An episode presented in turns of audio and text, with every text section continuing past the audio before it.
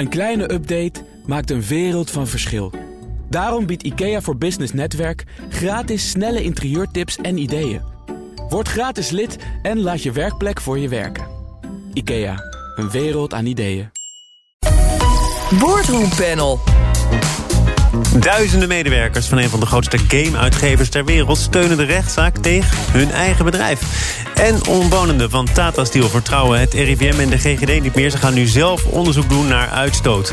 Dat en meer bespreek ik in het Boardroom Panel. En daar zit Annemiek Robeek, onder andere commissaris bij Eneco... voorzitter van het bestuur van Social Finance NL... en Mijntje Luceraat-Rovers, hoogleraar Corporate Governance... aan de Tilburg University en commissaris bij onder andere NRC Media... en het Erasmus MC. Welkom, fijn dat jullie er zijn.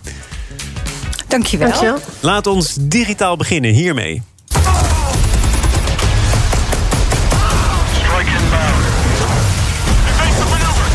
Shit. Soviet convoy disabled. Ik moet erbij zeggen dat toen ik het knopje indrukte... ik zelf ook niet helemaal wist wat ons zou overkomen. Maar dit was Call of Duty, een van de bekendste spellen van Activision Blizzard. Game-uitgever. Er zou binnen dat bedrijf sprake zijn van seksisme... van seksuele intimidatie onder andere. En daarom heeft de staat California een rechtszaak aangespannen. Duizend medewerkers van het bedrijf steunen de zaak... en willen gaan staken. Annemiek, als het zover heeft moeten komen... wat is er dan allemaal misgegaan? Nou, dan is er heel lang weggekeken. Dan is er heel veel ontkend. Uh, en dan is, uh, zijn al die klachten niet serieus genomen.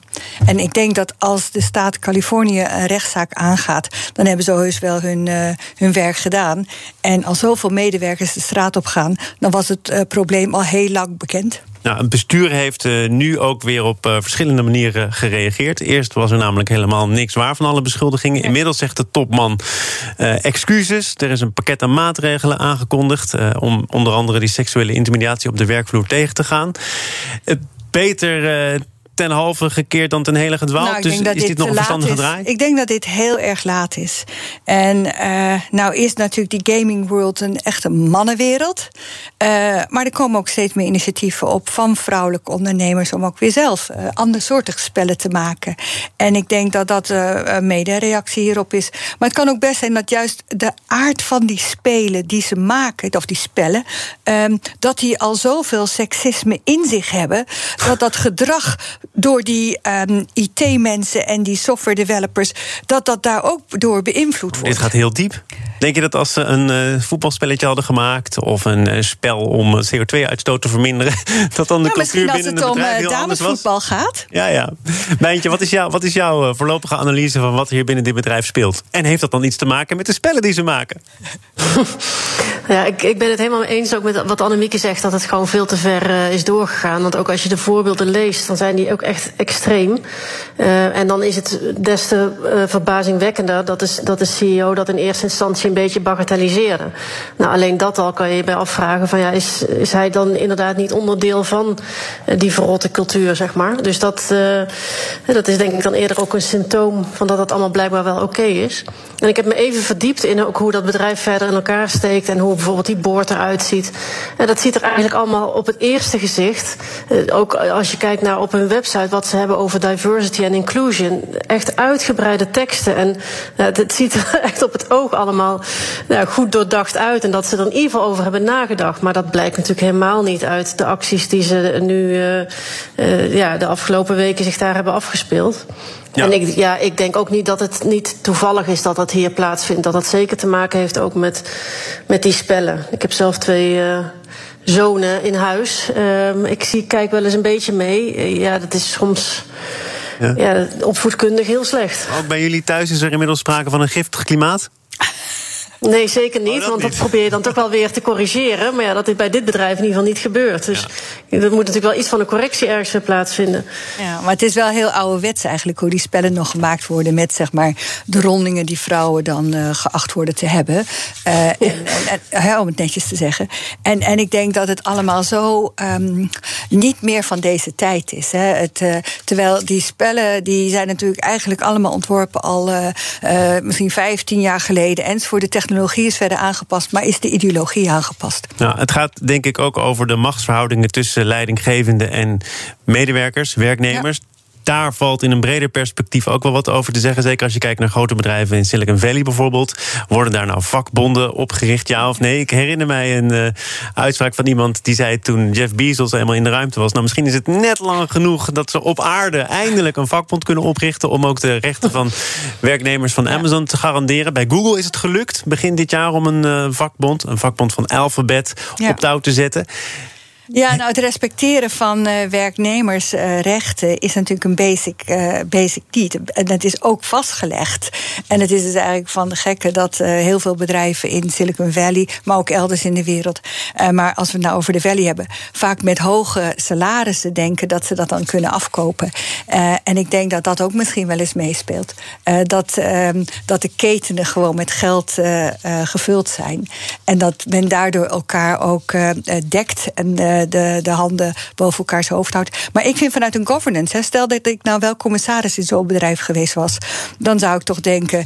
Uh, ehm, CEO, dit kan niet meer eruit. Hij moet weg. Hij moet weg. Ja. Totaal ongeloofwaardig. Wat zegt commissaris Mentje Lukkeraad Rovers?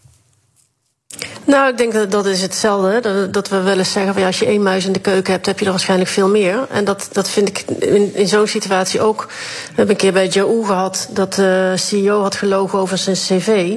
En toen wilde het bedrijf hem laten zitten, want het was een goede CEO. Maar als je dus van de CEO accepteert dat hij liegt over zijn cv, dan doe je dat blijkbaar ook voor de rest van de mensen. Dus eh, als, een, als de CEO geen blijk heeft gegeven, inderdaad, van dat hij en hier naar kijkt en hierop ingrijpt, dan ben ik het helemaal mee eens. Dan, dan moet je toch wel serieus kijken of dit wel een goede CEO is. Ik vermoed dat, of het nou deze CEO is of de volgende, er wel ingegrepen gaat worden. Want er komt een juridische strijd, er uh, dreigen nu stakingen.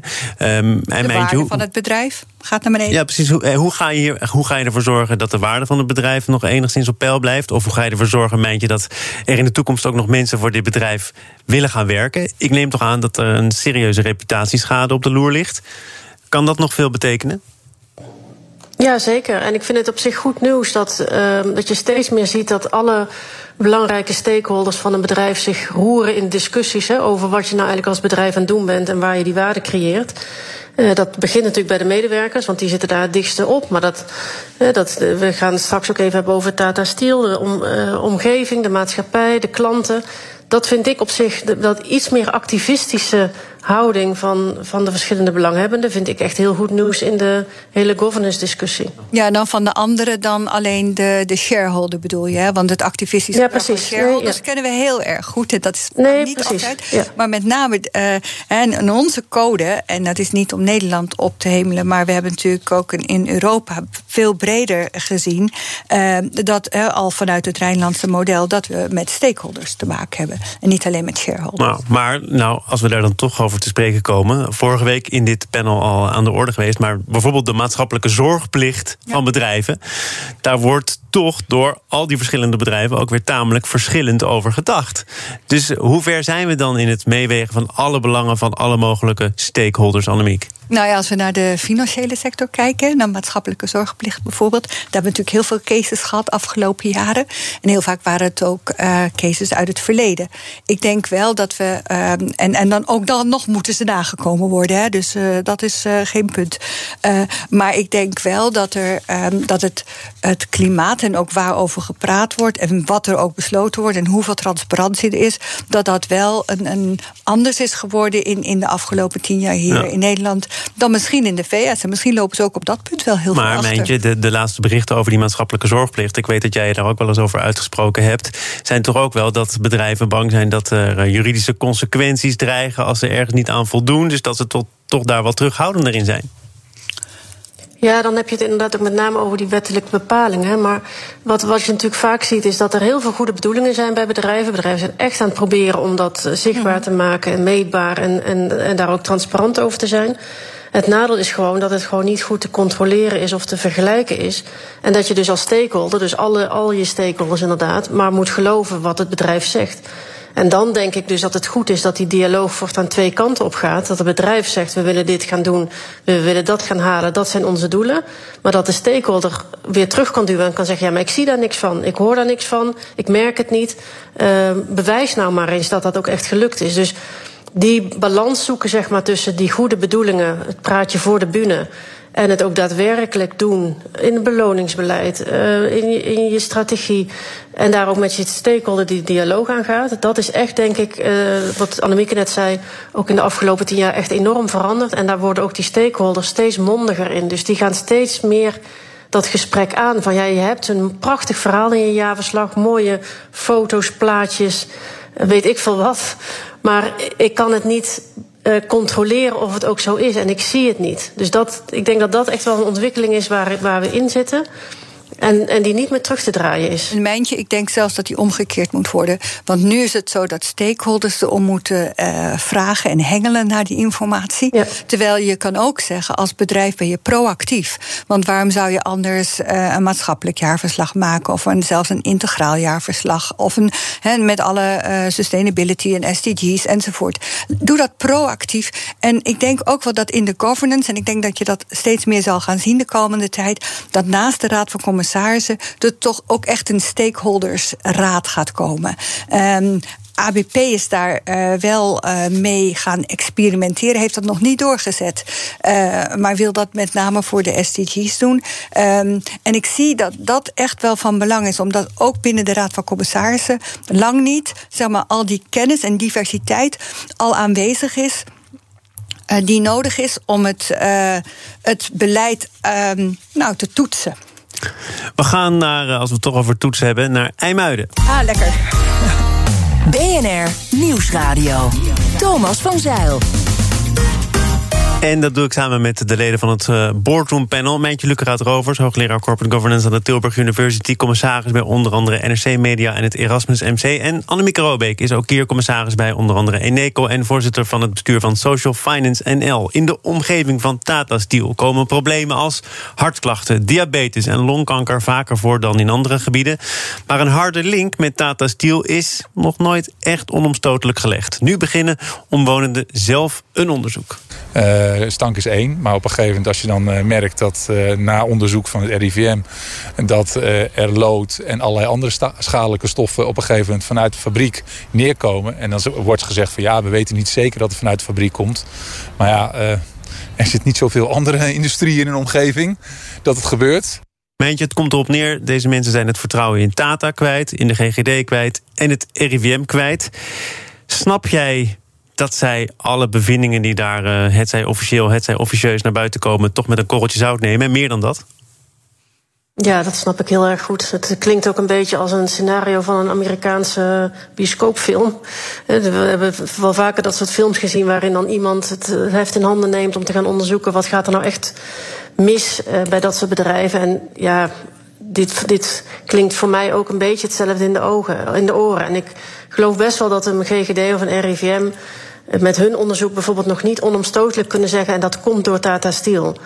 Um, ik denk dat wij allemaal, als we daar naar kijken... en als je ziet dat dat, dat soort metingen hoger zijn daar dan waar dan ook... Ja, dat je een beetje een gevoel hebt van... ja, zou dat niet dan toch die link zijn? Ik vind eigenlijk dat de overheid dat zou moeten onderzoeken, want het, dit gaat echt over de volksgezondheid. Dit gaat niet over of je het, het, gebouw wel of niet mooi vindt, of dat je wel of niet uh, uh, last hebt van de ouders op de weg. Nee, dit gaat echt over de volksgezondheid. Nou, de dus overheid heeft het onderzocht in de figuur van de GGD. En nu zijn er allerlei bedenkingen bij hoe dat rapport dan tot stand gekomen is. In conceptrapporten zie je wel voortdurend de naam van Tata Steel opduiken. In de definitieve versie is die naam verdwenen. Weggegumpt, zeggen sommigen. Uh, Annemiek. Ja, ik heb, uh, ik, ik heb hier best wel onderzoek ook naar gedaan. Omdat ik in het kader van een uh, groot toekomstproject van Future Consult gevraagd was om een toekomstvisie voor Velsen te geven. En als de criticaster die de um, roze olifant ging benoemen. En dat, die roze olifant in dat gebied is Tata. En dat heb ik in januari van dit jaar gedaan. En daarvoor heb ik eigenlijk twintig jaar RIVM-onderzoeken ook op een rijtje gelegd. En het is buiten buitengewoon interessant om te zien hoe uh, daar uh, voortdurend uh, uit die onderzoeken dan telkens blijkt dat er allemaal niks aan de hand is en dat de mensen die bij Tata werken en in de omgeving dat die heel veel gerookt hebben en dat het daardoor allemaal komt en dat er allemaal drogredenen aangegeven worden en dat dat eigenlijk zo doorgaat ongeveer tot 2018 en dat dan pas eigenlijk een, een, een omslag komt. Wat we hier zien is dat volksgezondheid, zoals Mijntje net ook al noemde, volksgezondheid gaat boven economische uh, bijdrage. Maar vooral is het heel stuitend dat we al decennia weten dat het gebied eh, rond de Eimond tot de meest vervuilende van ons land behoort, in de top 3 staat. Ehm, en dat Tata in de top 3 ook van de meest vervuilende bedrijven staat. Ook wat CO2-uitstoot aangaat en alle andere dingen. En het gebagatelliseer, eigenlijk een beetje wat we ook zagen net hè, in het vorige onderwerp. Het gebagatelliseer uh, van uh, de gezondheidseffecten is ongelooflijk schadelijk en aan te rekenen, zowel aan de voormalige directies van Tata als aan de huidige. Maar het erge is nu natuurlijk dat Nederland heeft uh, Tata altijd een hele speciale positie gegeven. Alle subsidies zijn gegeven om maar te zorgen dat die milieueffecten wel bereikt zouden worden. Um, en Tata heeft alleen maar dat gedaan als de overheid de gelden daarvoor gaf. Ze hebben er bijna niks zelf in gestopt. En ze hebben telkens alleen maar gezorgd dat de marges opgerekt worden. En wat deze groep nu zegt, en dat vind ik heel interessant vanuit een onderzoeksperspectief. Zij willen inderdaad die uh, piketpaaltjes in de, uh, of die, die, metingen gaan doen. Waardoor ze kunnen aangeven uh, dat al nu binnen die verruimde marges. Tata daar ook weer helemaal overheen gaat. Ja, en ze willen het dichter bij de bron kunnen En terecht. En dat is hetzelfde wat we natuurlijk in het gebied rondom Schiphol gezien hebben. heel vaak hebben we ook gezien dat daar de, de, de metingen toch wel op dubieuze punten stonden. Maar misschien is het meest dubieuze hier dan van, als je dat zo aanstipt. Niet dat Tata alleen het hoogst noodzakelijk heeft gedaan. en dan ook nog wel voor een deel gefinancierd door de overheid. Maar als je dan toch op zoek bent naar onomstotelijk bewijs dat er sprake is van negatieve effecten, dan zou je moeten kunnen rekenen op onafhankelijke instituten. Die zijn als... het niet. Die zijn het niet. Oké, dus dat, dat is eigenlijk nee, wat hier. Ze zijn het niet. En dat is wat ik ook zag in dat onderzoek RIVM, van zoveel jaar RIVM. Nee, echt niet. En het interessante is wel dat hier, juist door de stakeholders, de burgers, de bewoners eh, en de, ehm, de, de milieugroepen in het gebied, die hebben uiteindelijk toch meer aanklank gevonden bij- en weerklank gevonden bij eh, de provincie. En de provincie heeft op een gegeven moment gezegd: dit kan niet langer. Ik, eh, ik kom er zo meteen ook nog even bij jou op terug. Maar Mijntje, ik moet denken aan een gesprek dat ik gisteren voerde met eh, een dijkgraaf die hier was om te spreken over eh, de waterbestendigheid van Nederland. Dirk Siert Schoonman. En die zei dat autoriteiten steeds meer ter discussie worden gesteld. Of het nu gaat om Tata of stikstof of corona. Als het ons niet uitkomt, dan deugt het onderzoek niet. En hij vond dat Mijntje een gevaarlijke trend. Ben je, ben je het daarmee eens of niet? Ja, ik denk zeker dat dat een gevaarlijke trend is. En daarom is het ook um, absoluut belangrijk dat dat, dat soort onderzoek. dat je ook kan onderbouwen waarom je tot die conclusies komt. Kijk, het weglakken van een naam uit een rapport. Ik kan me dat voorstellen als daar redenen voor zijn dat de link nog niet gelegd is. Maar dan moet het rapport op zijn minst afsluiten. van nou, we hebben nu die hogere waarde geconstateerd. Uh, en het vervolgonderzoek zal precies gaan uh, uitzoeken waar dat dan vandaan komt. He, dus dat je wel laat zien dat je, dat je oog hebt voor die, uh, voor die argumenten. Want anders blijf je inderdaad, dan zijn dit soort onderzoeken en dit soort rapportages en het weten dat er iets is weggelakt. Ja, die, die gaan alleen maar die trend van minder geloven in die rapportages alleen maar versterken. En ik denk dat dat gewoon heel schadelijk is. Want op zich zijn wij natuurlijk als Nederland een land wat bijvoorbeeld relatief laag op de, de, de, de corruptieindex staat. Nou, dat soort dingen moeten we gewoon proberen vast te houden. En hoe, hoe meer vage rapporten je krijgt, uh, ja, hoe, hoe meer dat in het geding komt. Maar heel veel van die rapporten, en dat is het interessante, denk ik, dat ik juist uh, zo over de jaren heen door die rapporten heen gegaan ben, uh, geven dus dat sussende effect. En, en ik denk ook dat die bewoners niet alleen vanwege het weglakken van de naam Tata in het meest recente GGD-rapport uh, boos zijn, maar eigenlijk over al die jaren dat ze gewoon niet serieus genomen Maar zijn. geef mij eens een goede reden, Annemiek, waarom de GGD en het RIVM dan zo uit de hand van Tata zouden eten. Wat is hun eigen belang? Zij hebben toch belang bij een, uh, een ongeschonden blazoen? Als blijkt dat zij niet onafhankelijk zijn, wat doen ze dan in de toekomst nog? Ik denk dat we ook tijdens deze uh, COVID-periode gezien hebben dat het lijkt alsof het onafhankelijk is, maar het wordt wel heel duidelijk politiek aangestuurd. Mm. En ik denk dat dat echt bij Tata altijd geweest is. En zeker in het superliberalisme wat we gehad hebben in de afgelopen twintig jaar, uh, kon je niet aan Tata komen. Tata is net als Shell bij economische zaken onaantastbaar. Uh, als we zometeen CO2 weer in de zeebodem gaan stoppen en Tata gaat weer miljarden daarvoor vragen dan denk ik dat het tij gekeerd is. Dat we nu steeds meer groepen zeggen dat kan niet meer. En dat was anders, zeg maar, tot voor, voor kort. En daarom is dit zo'n interessante in de transformatie. Uh, dat juist nu het um, het, het, het kwartje de andere kant op gaat. Het is niet meer de economische macht en de top die gaat bepalen en de politiek die influistert of die suggestieve uh, uh, hypotheses misschien uh, op meekijkt. Nee, het gaat er nu om om echt onafhankelijk onderzoek te doen. En nogmaals, dat is zo interessant van deze groep. Um, en deze groep die uh, krijgt best wel wat centen, want het is ook een, gebied, het gebied rond Tata. Er zitten zeven gemeentes waarbij een aantal zeer welvarende gemeentes. Ze hebben een miljoen opgehaald ja, om dit al te kunnen doen. En dat vind ik ook knap, maar ze, kunnen, ze staan ook helemaal open, juist voor het meekijken van wetenschappers hierop op.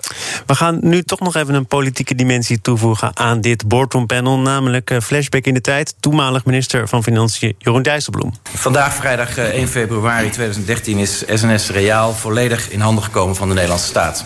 Gisteravond werd duidelijk dat deze stap onvermijdelijk was geworden om verdere problemen voor de bank, zijn klanten, de Nederlandse financiële sector en de Nederlandse economie te voorkomen. En die problemen, Mijntje, die zijn voor een deel, belangrijk deel terug te voeren op de aankoop van een commercieel vastgoedbedrijf. Property Finance blijkt uit recent onderzoek, onderzoek van deze week. Al, maar nou blijkt ook nog dat al tijdens het boekenonderzoek uh, de administratie een rommeltje was. En dat het soms al heel erg makkelijk was om uh, lening te krijgen. Er werden te makkelijk leningen verstrekt.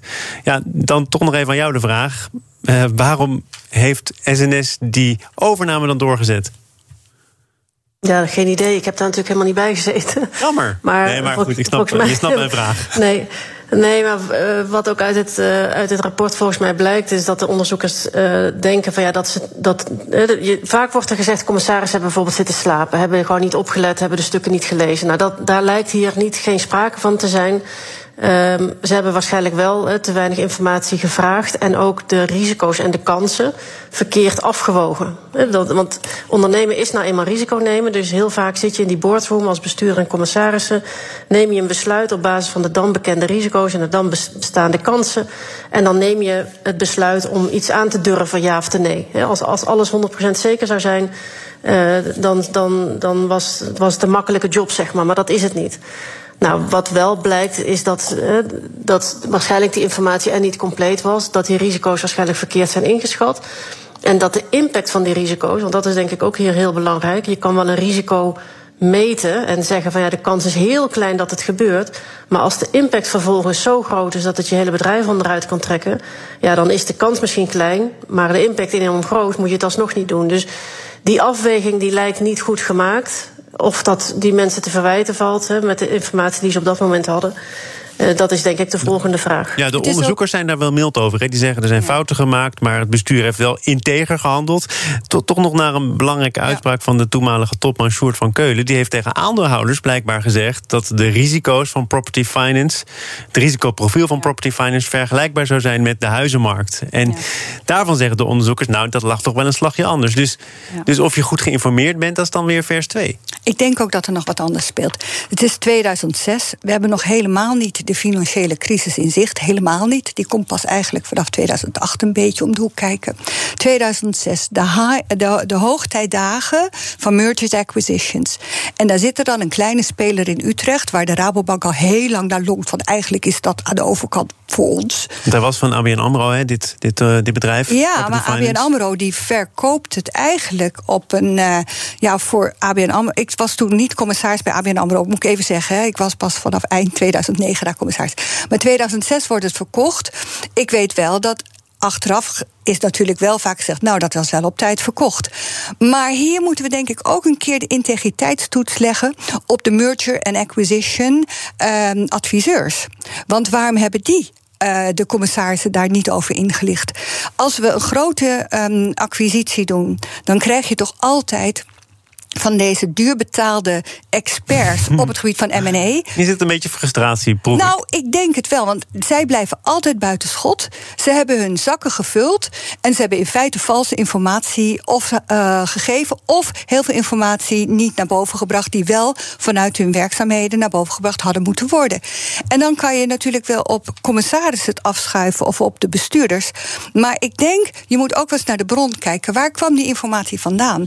En iets anders was natuurlijk natuurlijk, het was klein. Hè? SNS Reaal was altijd al een suboptimale kleine speler. Ze hebben zich een beetje verslikt in een. Nou ja, die groot wilde bedrijf. natuurlijk graag groot worden. En Sjoerd van Keulen was ook typisch zo'n man die dat met enorm veel ehm, ehm, ja, enthousiasme kon brengen. En dat SNS dan ook meeging in de vaart der volkeren. Ja, en dan komt dan daarna die, die financiële crisis. Ja, dan gaat alles nat. Tot slot, Mijntje, want eh, dat is een interessant punt dat Annemiek hier aandraagt. Eh, wordt er te weinig gewezen naar de adviseurs, de mensen die eh, koet koet die fusie of die overname graag zien doorgaan? Ja, ik vind het echt een heel sterk punt. Ehm, eh, er wordt vaak gedacht dat commissarissen bijvoorbeeld de hele deal zouden moeten kunnen doorgronden van A tot Z. Daar hebben soms mensen aan zo'n deal een jaar gewerkt met een team van 20 man. Dan kan je niet verwachten dat de Raad van Commissarissen dat, zeg maar, in. eh, Daar zullen ze heus wel meerdere vergaderingen over gehad hebben. Maar in een aantal sessies dat van A tot Z doorgronden. Dus die moeten zich baseren en kunnen vertrouwen op bepaalde informatie die gegeven is.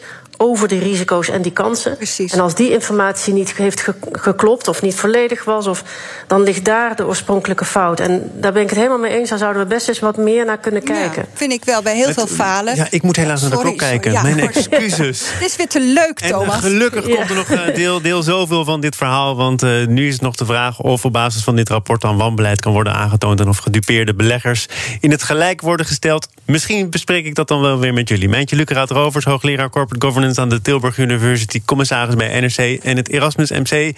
En Annemiek Robeek, commissaris bij Eneco. Voorzitter van het stuur van Social Finance NL.